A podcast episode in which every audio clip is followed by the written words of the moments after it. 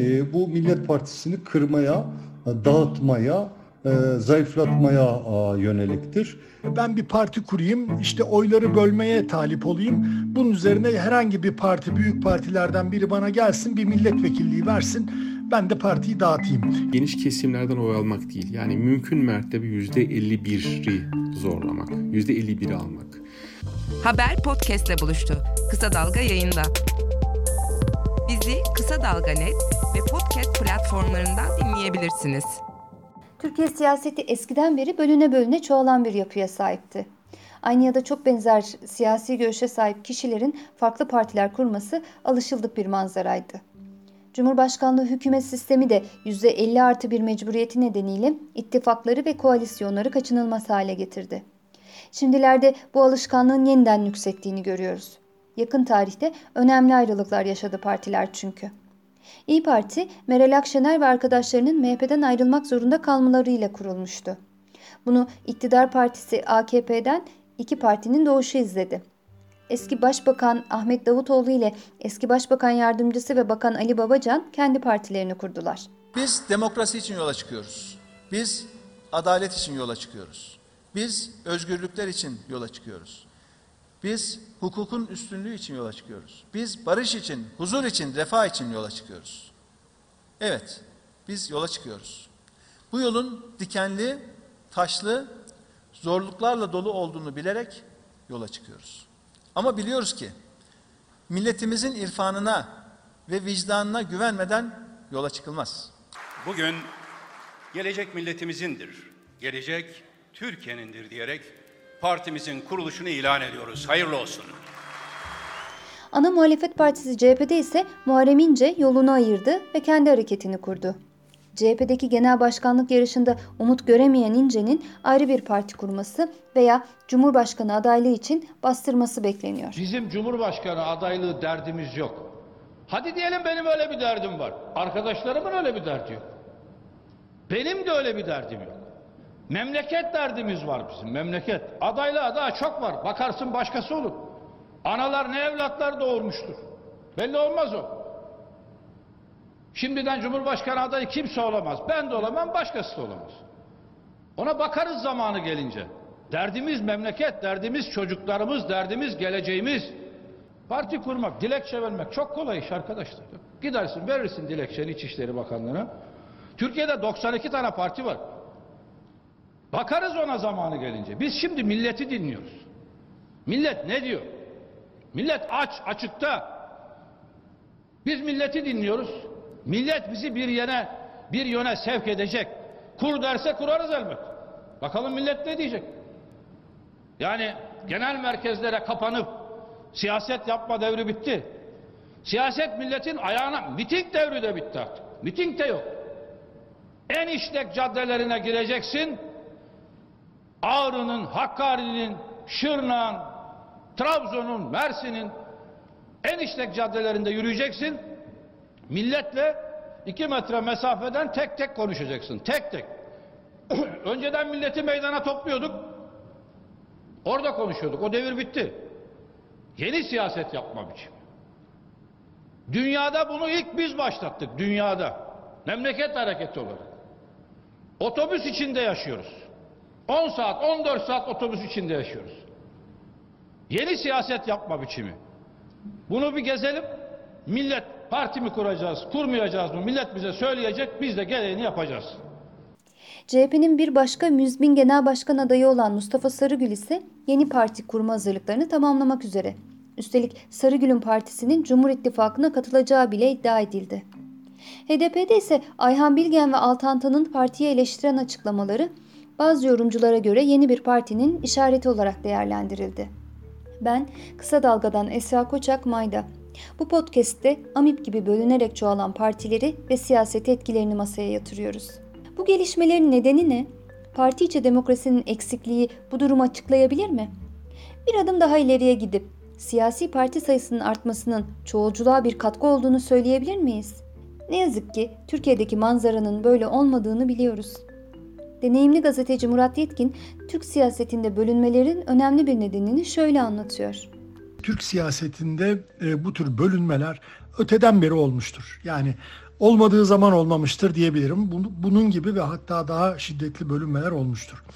Şöyle bir e, alışkanlık maalesef Türk siyasetinde var. Ben bir parti kurayım, işte oyları bölmeye talip olayım. Bunun üzerine herhangi bir parti, büyük partilerden biri bana gelsin, bir milletvekilliği versin.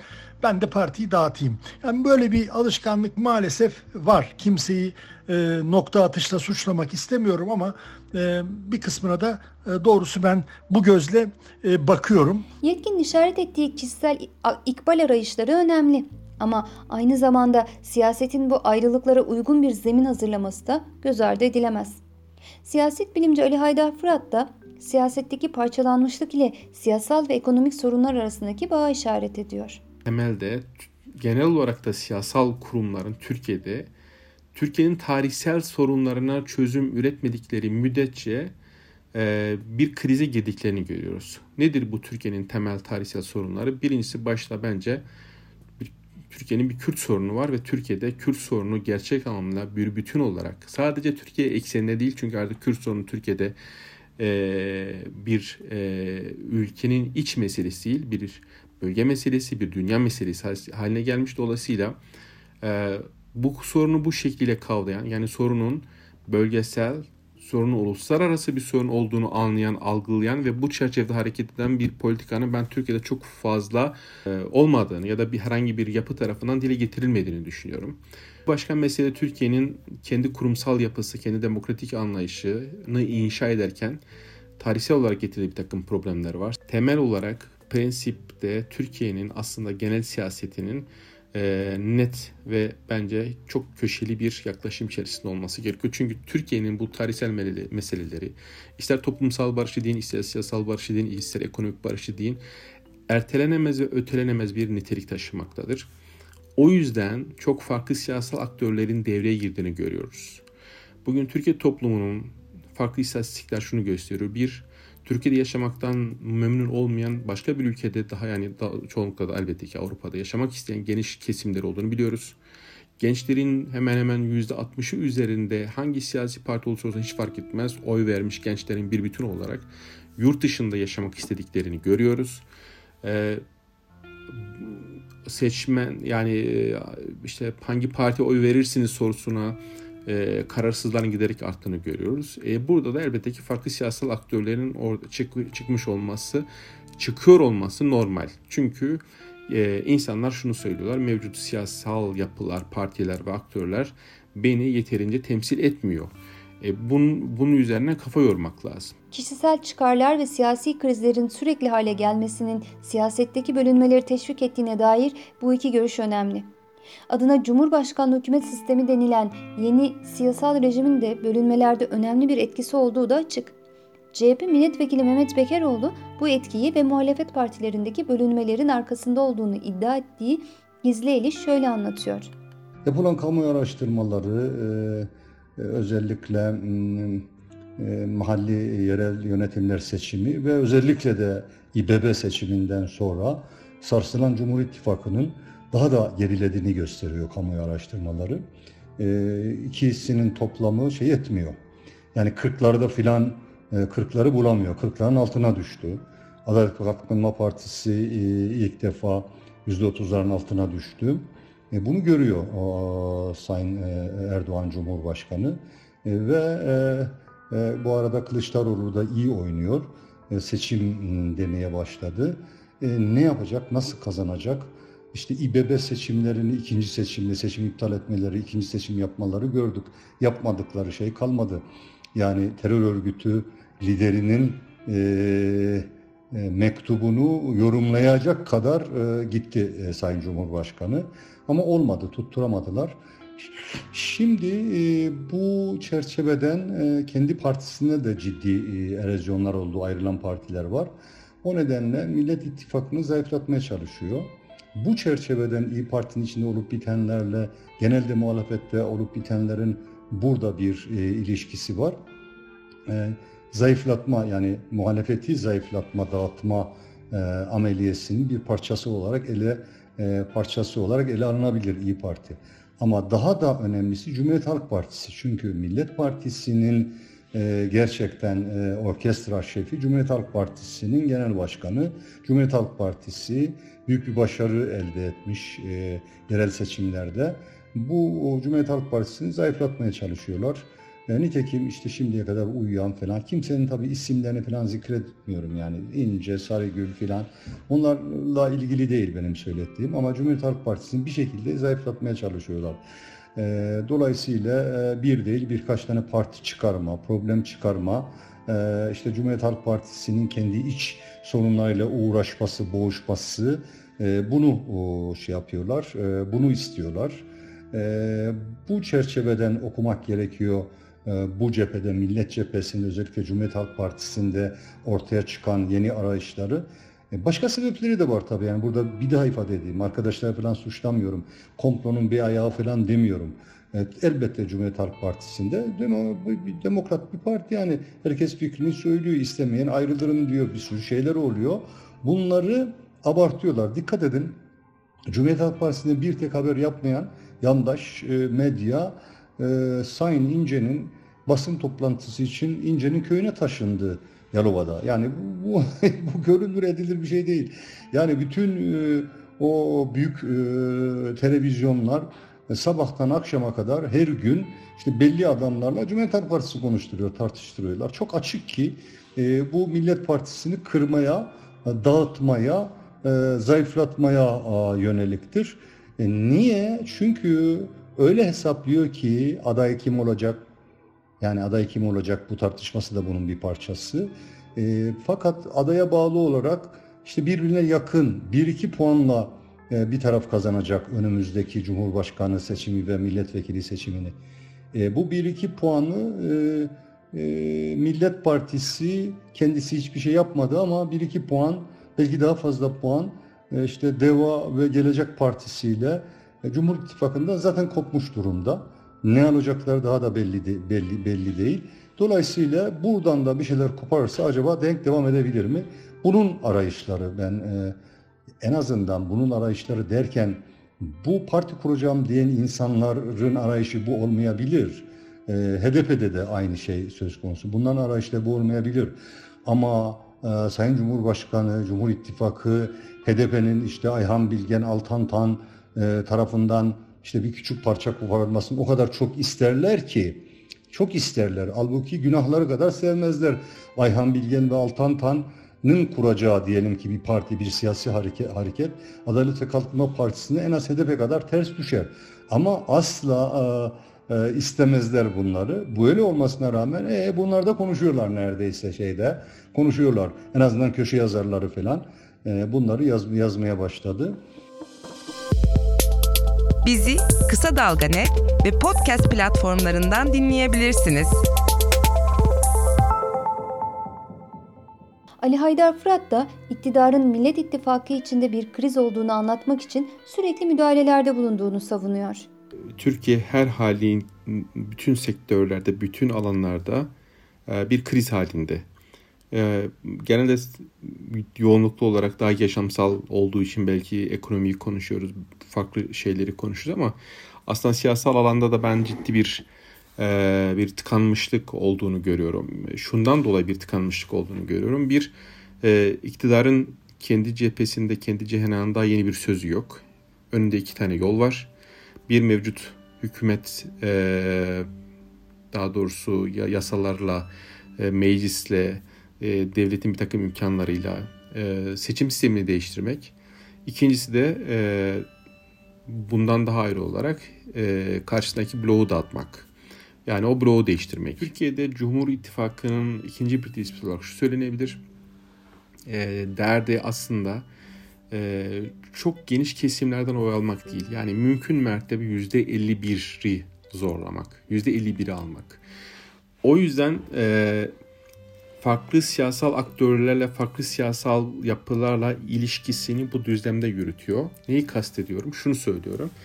Ee, ilk yaptığım tespite atfen söyleyebilirim. Millet İttifakı'nı ya da kendisi dışındaki bloğu dağıtmak, parçalamak, e, orada bir kriz olduğunu anlatmak açısından sürekli müdahalelerde bulunuyor. Günü geliyor CHP ile ilişkili bir takım iddialar, bir takım yapılanmalar olduğunu görüyoruz.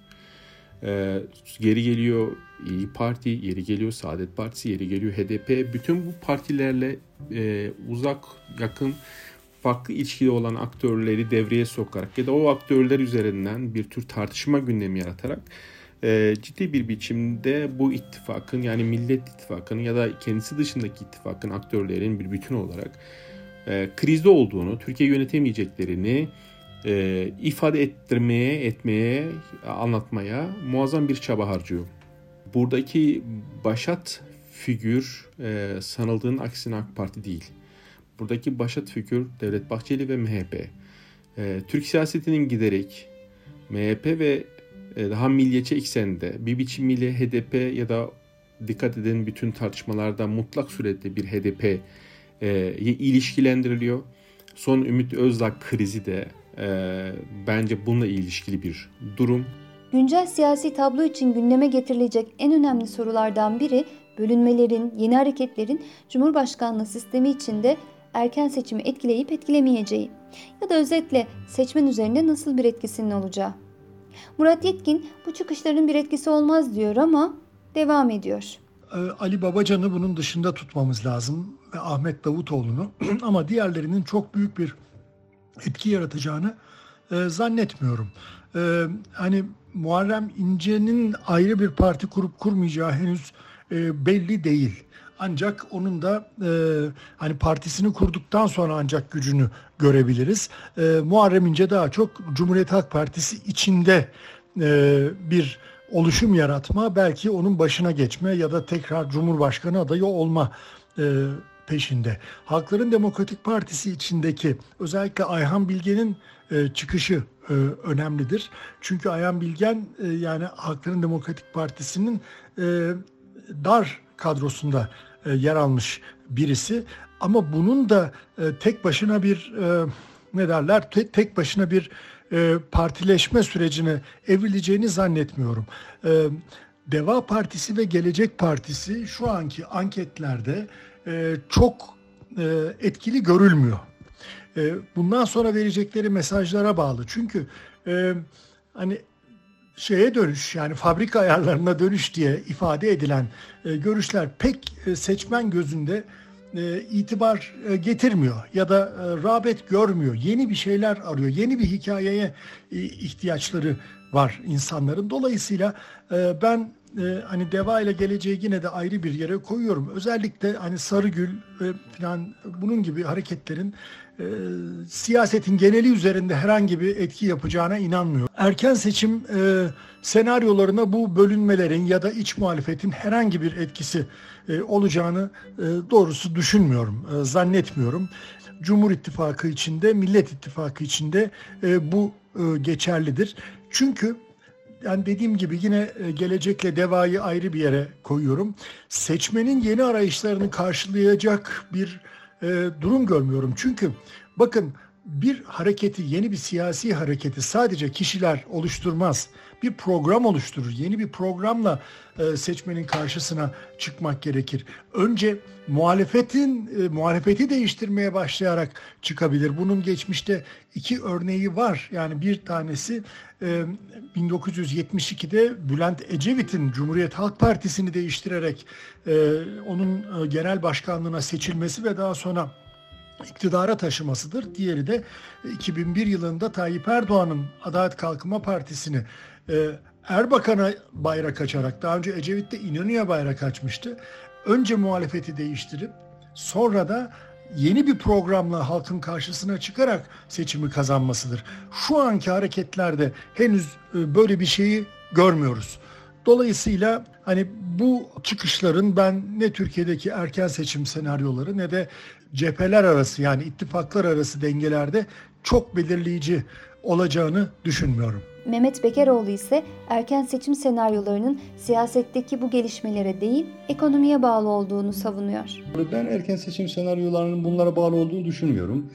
Ben erken seçim senaryosunu ekonomiye bağlıyorum. Dolar gene aldı başını gidiyor.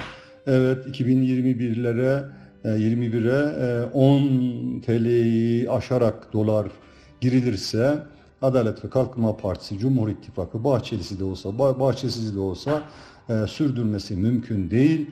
Dolayısıyla e, çok ciddi bir şekilde dağılır e, ve Türkiye seçime gider.